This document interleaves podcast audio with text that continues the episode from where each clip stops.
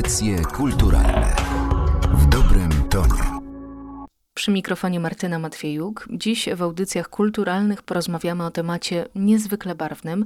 Ze mną pani Karolina Pachla-Wojciechowska z Muzeum Etnograficznego imienia Seweryna Udzieli w Krakowie. Dzień dobry. Dzień dobry. Ze świętami Wielkanocy wiążemy dziś nierozerwalnie zwyczaj zdobienia jajek, tworzenie pisanek cieszących oko. O tym za chwilę, ale zacznijmy od samego jaja, od jego znaczenia w kulturze.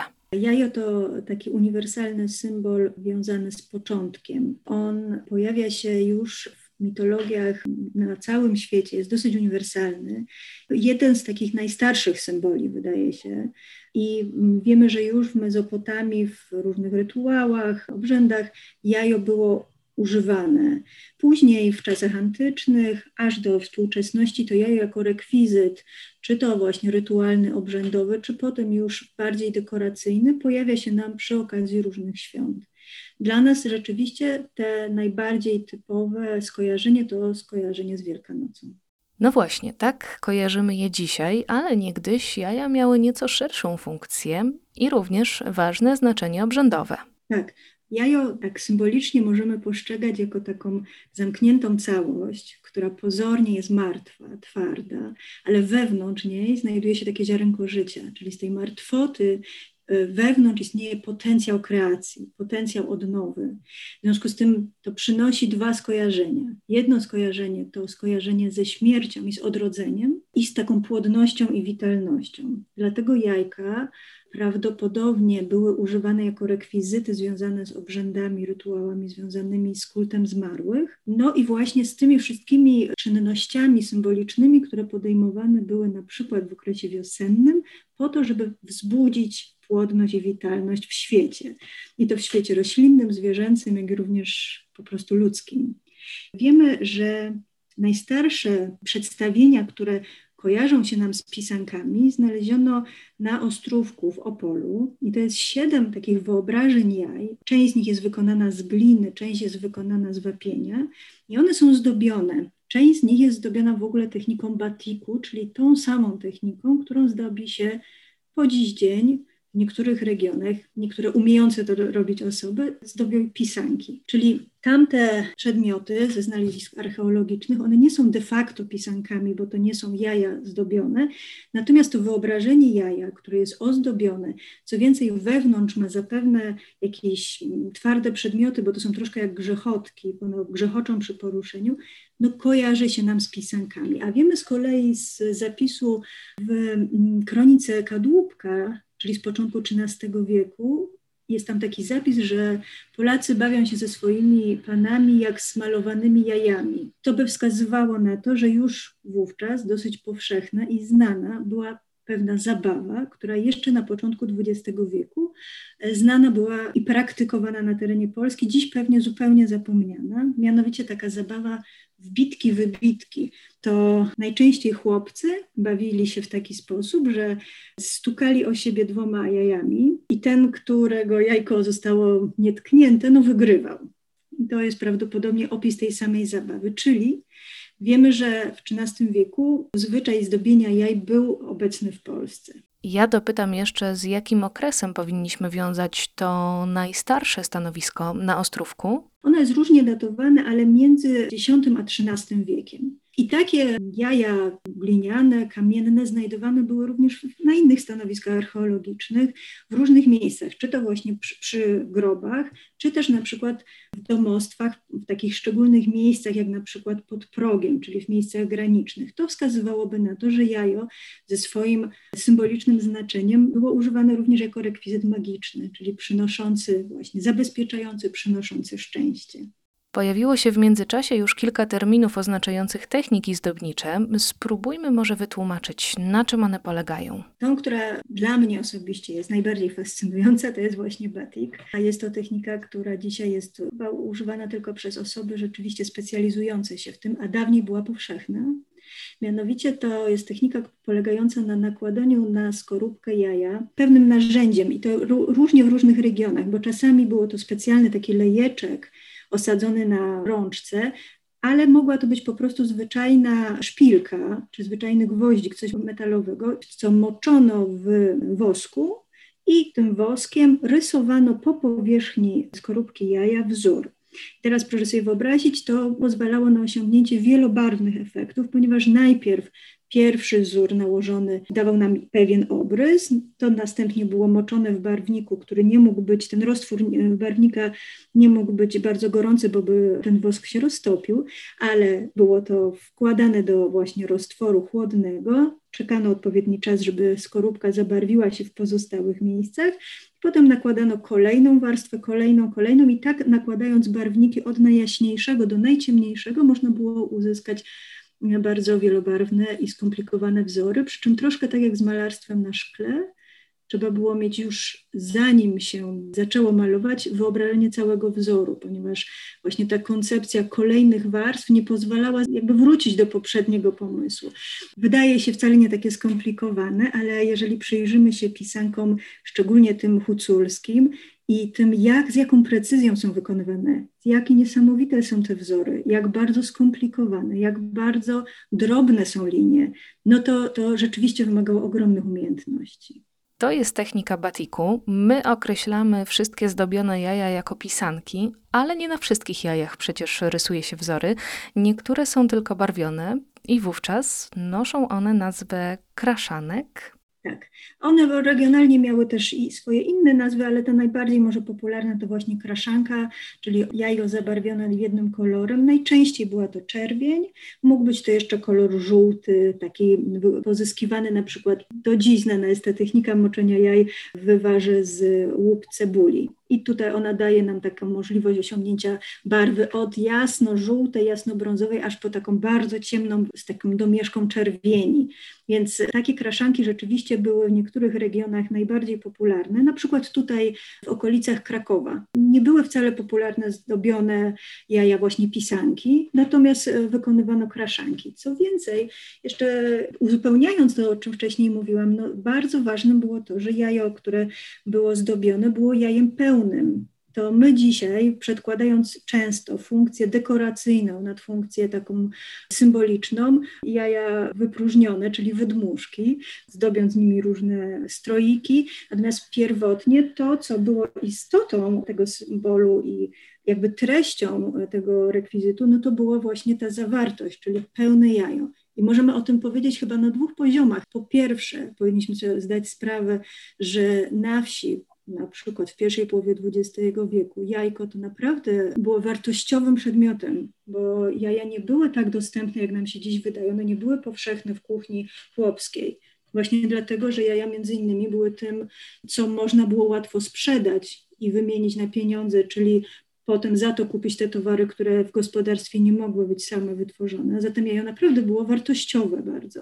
W związku z tym na wiosnę, kiedy tych jaj zaczynało pojawiać się więcej w gospodarstwie, kiedy właśnie zbliżały się święta, to darowywanie wzajemne sobie jaj i to właśnie w pełnych, a nie tylko wydmuszek ozdobionych, ono miało swoją wartość zarówno taką ekonomiczną, jak i właśnie symboliczną. Darowywano sobie je w całym tym czasie okołoświątecznym, aż do Zielonych Świątek i darowywano je sobie zarówno w kręgu rodzinnym, czyli rodzice chrześni dawali chrześniakom, dawano też ważnym osobom e, dla danej społeczności, księdzu, jakimś przełożonym, nauczycielom, ale też te jaja były darowywane jako taki rekwizyt czy taki atrybut e, zalotów. Mianowicie o tym też niewiele dziś osób pamięta, że w trakcie lanego poniedziałku dziewczęta, które były polewane wodą, one często za to polanie, które przez nie odbierane było wówczas jako forma zalotów, darowywały chłopakom, którzy to robili,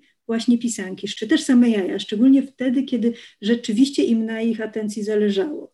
Czyli tak również za to, że chłopak z dziewczyną tańczyli razem w zapustach, czyli to w czasie tego czasu karnawału ludowego, to potem dziewczyna bardzo często odwzajemniała się za te tańce właśnie w okolicy świątecznej, obdarowując go pisankami. Także e, rzeczywiście to jajo samo w sobie było bardzo ważnym rekwizytem tego wiosennego czasu i ono było darowywane, było zdobione, no i koniec końców również już wtedy, kiedy obrzędy chrześcijańskie były tutaj ważną częścią kultury, no to po prostu stawało się również częścią tego, co było święcone i potem spożywane w czasie świąt Wielkiej Nocy.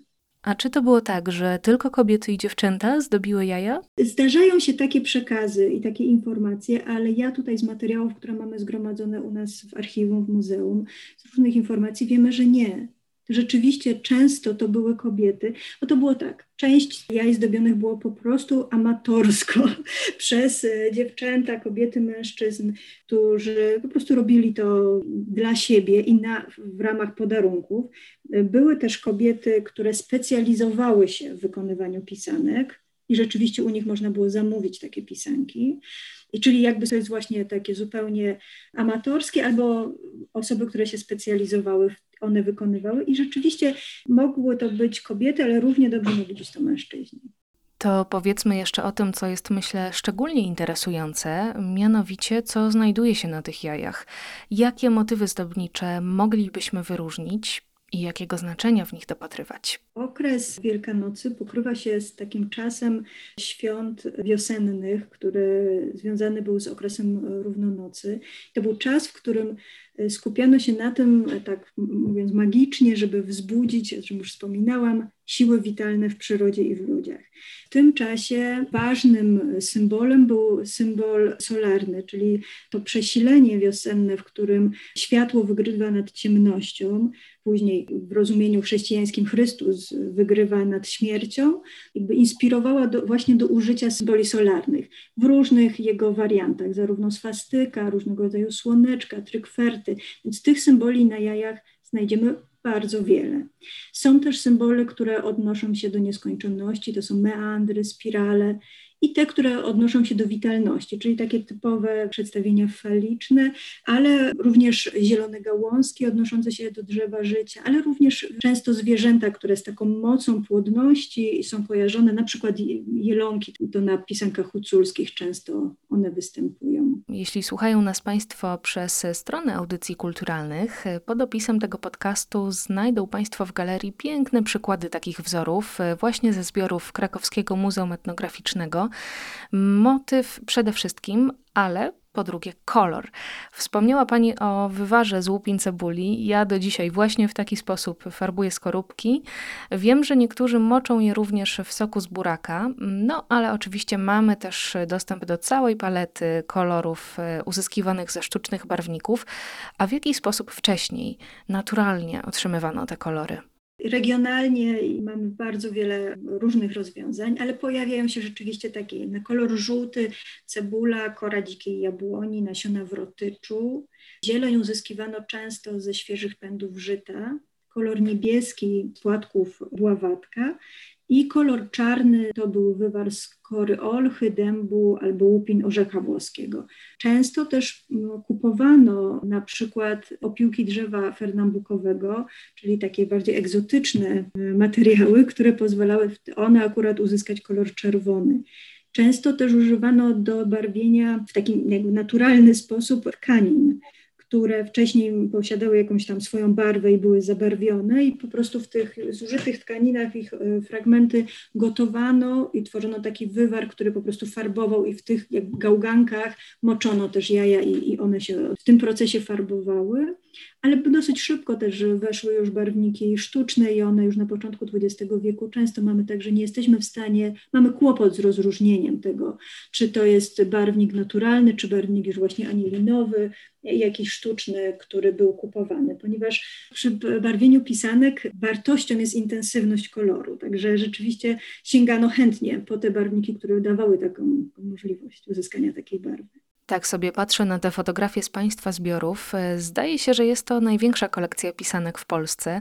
Czy potrafiłaby Pani wskazać jakąś e, swoją ulubioną, szczególnie cenną z perspektywy muzealnika? Tak, nasz zbiór jest ogromny, największy na pewno w Polsce.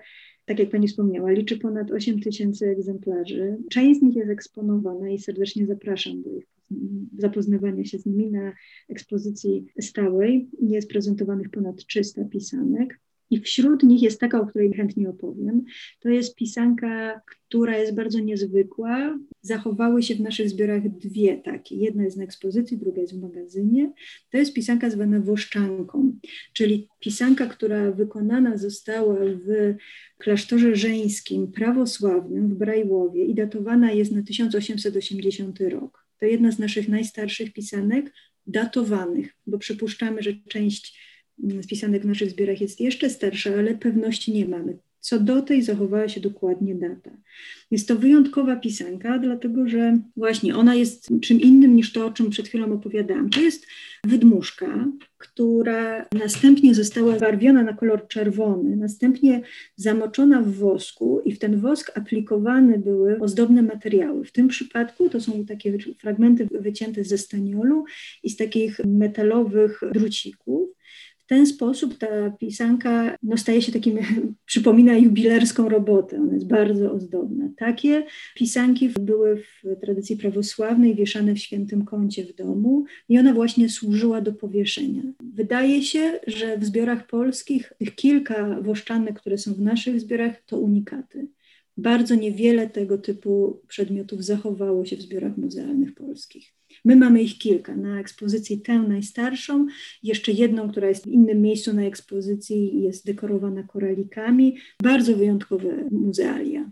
Ja spoglądając na te pisanki myślę sobie, że to są często takie małe dzieła sztuki, godziny mozolnej pracy i po prostu piękne przedmioty, ale jestem ciekawa, jak na takie pisanki patrzy etnograf. No, z naszej perspektywy chyba najbardziej interesujące jest to użycie i znaczenie. A to niestety same przedmioty nam o tym nie opowiedzą.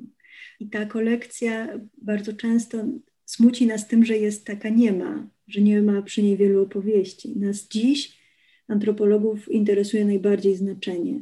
Czyli to, o czym Państwu opowiadałam, o tej symbolice, o znaczeniu, ale to wszystko jest jakaś rekonstrukcja. My sobie tak wyobrażamy na podstawie jakichś niewielkich materiałów źródłowych i przekazów, badań. Natomiast chcielibyśmy wiedzieć jeszcze więcej. My jakiś czas temu prowadziliśmy takie badania w kilku ostatnich latach nad życzeniami i tam właśnie między innymi z naszymi rozmówcami rozmawialiśmy o tym, czego sobie życzą, jak sobie życzą, również przy okazji świąt wielkanocnych i składania sobie życzeń, kiedy ten rekwizyt pisanka, jajo jest ciągle jeszcze w wielu domach obecny.